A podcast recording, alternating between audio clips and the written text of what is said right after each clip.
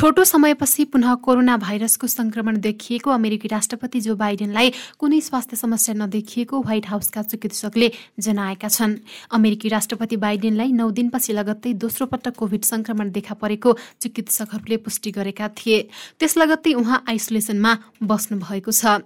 जुलाई एक्काइसमा corona virus संक्रमण भएका उहाँ आइसोलेसनबाट निस्किए लगत्तै पुनः आइतबार उनीमा संक्रमण पुष्टि भएको थियो। आइसोलेसनबाट निस्किनुभएका उहाँलाई शनिबार परीक्षण गर्दा पुनः कोरोना भाइरस पोजिटिभ देखिएको व्हाइट हाउसका चिकित्सक डाक्टर केभिन ओ कनरले जानकारी दिनुभएको हो। डाक्टर कनवरका अनुसार राष्ट्रपति बाइडेनलाई पुनः आइसोलेसनमा राखिएको छ तर उहाँको स्वास्थ्य अवस्था राम्रो रहेको डाक्टर कनरले बताउनु भएको छ।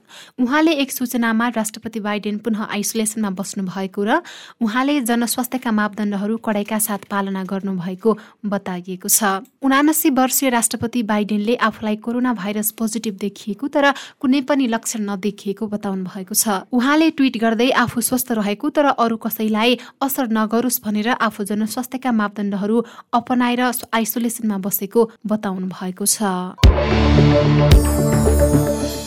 म्यानमारका अधिकारीहरूले त्यहाँको राष्ट्रिय सङ्कटकालीन अवस्थालाई थप छ महिना लम्ब्याएका छन्। म्यानमारको नेसनल डिफेन्स एन्ड सेक्युरिटी काउन्सिलले आइतबार सो निर्णय गरेको हो। सो काउन्सिलले म्यानमारमा हाल जारी रहेको सङ्कटकालीन अवस्था अरू छ महिना थपिएको जानकारी दिएको हो। सो काउन्सिलले त्यहाँ आम निर्वाचन गर्ने प्रयोजनका लागि समय आवश्यक रहेको भन्दै त्यसका लागि सङ्कटकालीन अवस्था अरू छ महिना थप्नु परेको जनाएको छ। म्यानमारको संविधान अनुसार त्यहाँ सङ्कटकालीन अवस्था बढीमा दुई वर्षसम्म घोषणा गर्न मिल्दछ। त्यहाँका कार्यवाहक राष्ट्रपति यु मिन्द सोएले गत वर्षको फेब्रुअरी एकमा एक वर्षका लागि सङ्कटकाल घोषणा गरेका थिए।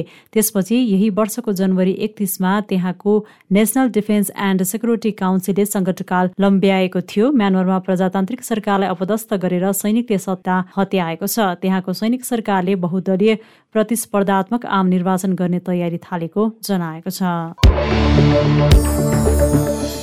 विद्युतीय दुर्घटनामा परि भारतमा दसजनाको मृत्यु भएको छ। घटनामा परि अरू चौधजना घाइते भएका अधिकारीहरूले जनाएका छन्।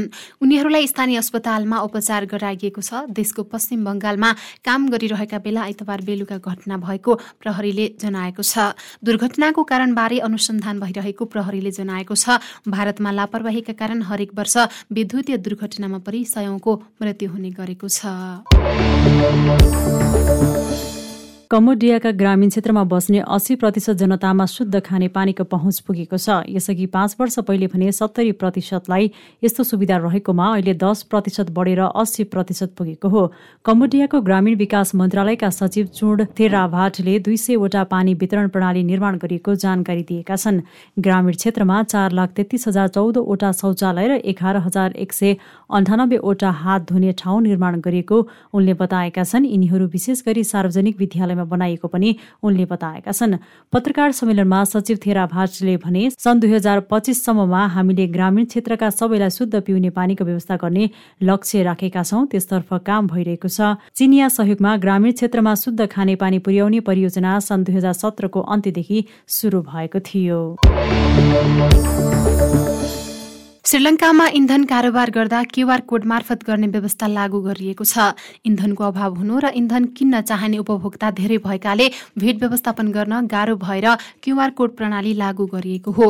क्युआर कोड मार्फत कारोबार गरेपछि इन्धनको समान तथा पारदर्शी वितरण हुने लाइनमा भेट लगाउन नपर्ने लगायतका फाइदा हुने सरकारी अधिकारीहरूले जनाएका छन्। देशैभरिका सबै पेट्रोल पम्पहरूमा यो व्यवस्था गरिएको र उपभोक्तालाई पनि यसबारेमा जानकारी गराइएको ऊर्जा मन्त्री कञ्चना विजय सेकेराले बताउनुभयो।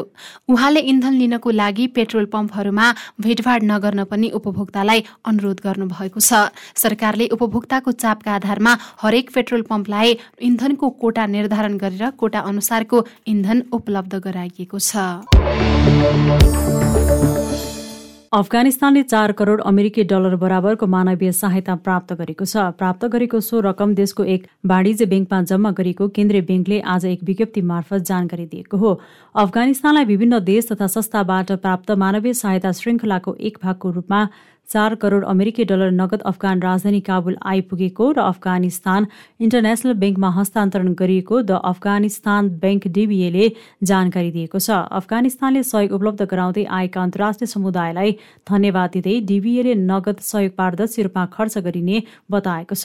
युद्धग्रस्त देशलाई सम्भावित आर्थिक सङ्कटबाट रोक्न तथा अत्यावश्यक खाद्यान्न लगायतको सहयोगका लागि विदेशी दाताहरूले सहयोग गर्दै आएको बताइएको छ। अमेरिकाले अफगानिस्तानलाई आतंककारीको सुरक्षित आश्रय स्थानमा परिणत नगर्ने प्रतिबद्धताहरूका लागि तालिबानलाई जवाफी बनाउने जनाएको छ। अफगानिस्तानका लागि अमेरिकी नियोगका प्रमुख इयान म्याक करीले यस्तो धारणा राखेका हुन्। दुहामा गत वर्ष हामीले महत्वपूर्ण मुद्दाहरूलाई सम्बोधन गर्न तालिबानसँग वार्तालाई अगाडि बढाएका छौं। हामीले अमेरिकी नागरिक र अफगान जनतासँग संलग्न अन्यहरूलाई व्यापक कन्सुलर सेवा प्रदान गरेका छौं। हामी मद्दत गर्न सक्षम भएकोमा म खुसी छु एक ट्वीटमा उनले भनेका छन्। अन्तर्राष्ट्रिय समर्थन प्राप्त गर्न मानव अधिकारको सम्मान गर्न पनि उनले आग्रह गरे। एक अगस्तमा तालिबानले सत्ता पटल गरेपछि मानव अधिकारको उल्लङ्घन गरेको अन्तर्राष्ट्रिय समुदायले गुनासो गर्दै आएका छन्। घरमा आगो लगाएर कम्तीमा बत्तीसजना सर्वसाधारणको हत्या गर्ने आपराधिक गिरोहको खोजी गर्न मडागास्करमा सेनाले हेलिकप्टर तैनात गरेको छ। मानिसहरूलाई जबरजस्ती खरले बनाएको तीनवटा घरभित्र बस्न बाध्य पारेर आगो लगाइएको प्रहरीले जानकारी दिएको हो। राजधानी अन्टाना नारिबको उत्तरमा रहेको अनका जोबो जिल्लामा शुक्रबार भएको हमलामा महिला र बालबालिका पनि परेका छन्। रक्षा मन्त्रीले आगलागीको दोष स्थानीय रूपमा दहलो भनेर चिनिने गाई वस्तु तस्करीलाई दिएका छन्। गाई वस्तु चोरी र यसलाई रोक्न गर्नका लागि भएको प्रयासले पछिल्ला वर्षहरूमा अत्यन्त हिंसक टकरावहरू निम्ति आएको छ। अनका जोबो जिल्लाको एउटा सानो पहाडमा अवस्थित एम्बोलो तारा किली गाउँमा घर जलेपछि पर्खाल मात्र देख्न सकिन्छ। अफगानिस्तान र इरानको सीमामा दुई देशका सुरक्षा गार्डबीच भिडन्त भएको छ। अफगानिस्तानको निमरोज प्रान्त र इरानको हिरमाण्डमा पर्ने सीमा क्षेत्रमा आइतबार भएको लडाईँमा आफ्ना एक सैनिक मारिएको काबुलले जनाएको छ। सो झडपका लागि एक देशले अर्को देशलाई दोष दिएको छ। एक वर्ष अघि तालिबानले सत्तापटल गरेपछि इरानसँगको सीमा क्षेत्रमा बारम्बार झडप हुने गरेको छ। पछिल्लो झडपको वास्तविक अवस्था स्पष्ट छैन। निमरोजका प्रहरी प्रवक्ता बहराम हमकलले भने हाम्रोतर्फ एकजनाको मृत्यु हुनुका साथै अर्का एकजना घाइते भएका छन्। इरानतर्फ कुनै मानवीय क्षति नभएको प्राप्त विवरणमा जनाइएको छ। सन् दुई हजार बिसको मार्चमा कोभिड महामारीले बन्द न्युजिल्यान्डको सिमाना आज विश्वभरका आगन्तुकहरूको लागि पूर्ण रूपमा खुल्ला भएको छ। भिसा चाहिने आगन्तुकहरू र विद्यार्थी भिसामा रहेकाहरूलाई पनि न्युजिल्यान्ड फर्कन अनुमति दिएको हो। न्युजिल्यान्डले अब आफ्नो बन्दरग्राहहरूमा क्रुज जहाजहरू र विदेशी मनोरञ्जन यात्रा पनि अनुमति दिइरहेको छ। अन्तर्राष्ट्रिय विद्यार्थीले न्युजिल्यान्डको अर्थतन्त्रमा महत्वपूर्ण योगदान दिँदै आएका छन्। पुनः सीमा खोलिएसँगै देशभरका स्कुल र विश्वविद्यालयहरूलाई फेरि बढुवा दिने शैक्षिक प्रदायकहरूले आशा राखेका छन् गत फेब्रुअरीमा न्युजिल्यान्डका लागि पुनः सीमा खोलिएको थियो। देशमा कोभिड विरुद्धको प्रतिबन्धहरू क्रमशः सहज बन्दै गएको छ। युक्रेनको युद्धका कारण क्रेमलिनको विशेष दूतको पद छोडेका अनातोली चुबैसलाई स्नायु प्रणालीमा असर गर्ने दुर्लभ अटो इम्युन डिसअर्डरका कारण अस्पताल भर्ना गरिएको छ। चुबैसलाई ग्वेलेन ब्यारे सिन्ड्रोम भएको हो। यसले रोग प्रतिरोधात्मक प्रणालीलाई कमजोर बनाउँछ।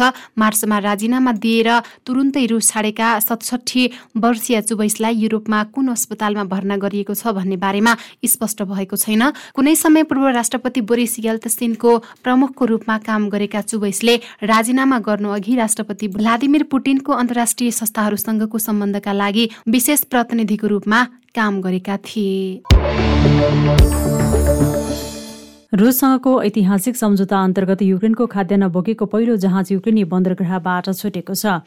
सो जहाज आज बिहानै ओडेसाको दक्षिणी बन्दरग्रहबाट छुटेको टर्कियो र युक्रेनी अधिकारीहरूले बताएका छन् रुसले युक्रेनी बन्दरग्रहलाई फेब्रुअरीदेखि अवरोध गरिरहेको छ तर ढुवानी पुनः सञ्चालन गर्न दुवै पक्ष मन्जुर भएका छन्। सम्झौताले विश्वव्यापी खाद्यान्न सङ्कट सहज हुने र खाद्यान्नको मूल्य घट्ने अनुमान गरिएको छ। टेस्लाका प्रमुख तथा विश्वकै धनाढ्य एलोन मस्कले टेक्सासमा निजी विमानस्थल निर्माण गर्ने योजना बनाएका छन्।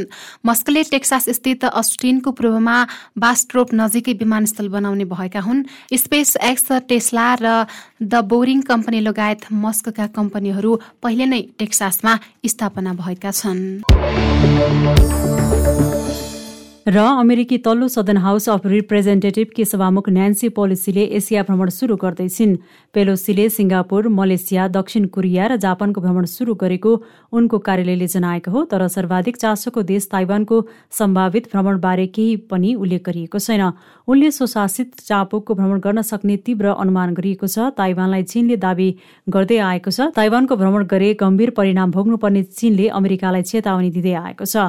पच्चिस वर्ष यता कुनै पनि उच्च पदस्थ अमेरिकी निर्वाचित अधिकारीले ताइवान भ्रमण गरेका छैनन्। छ सदस्यीय प्रतिनिधि मण्डलको भ्रमणले अमेरिकी सहयोग र यस क्षेत्रका साथीहरूप्रति अमेरिकाको अटल प्रतिबद्धतालाई पूर्ण पुष्टि गर्न खोज्नेछ। यो भ्रमण सिङ्गापुर मलेसिया दक्षिण कोरिया र जापान सहित इन्डो पेसिफिक क्षेत्रको हुने उनको कार्यालयले जनाएको छ। चीनले ताइवानलाई एउटा छुट्टिएको प्रान्तको रूपमा हेर्दै आएको छ। चीनलाई आफ्नो देशको एउटा अंशको रूपमा हासिल गर्न बल प्रयोगको सम्भावनालाई अस्वीकार गरेको छैन।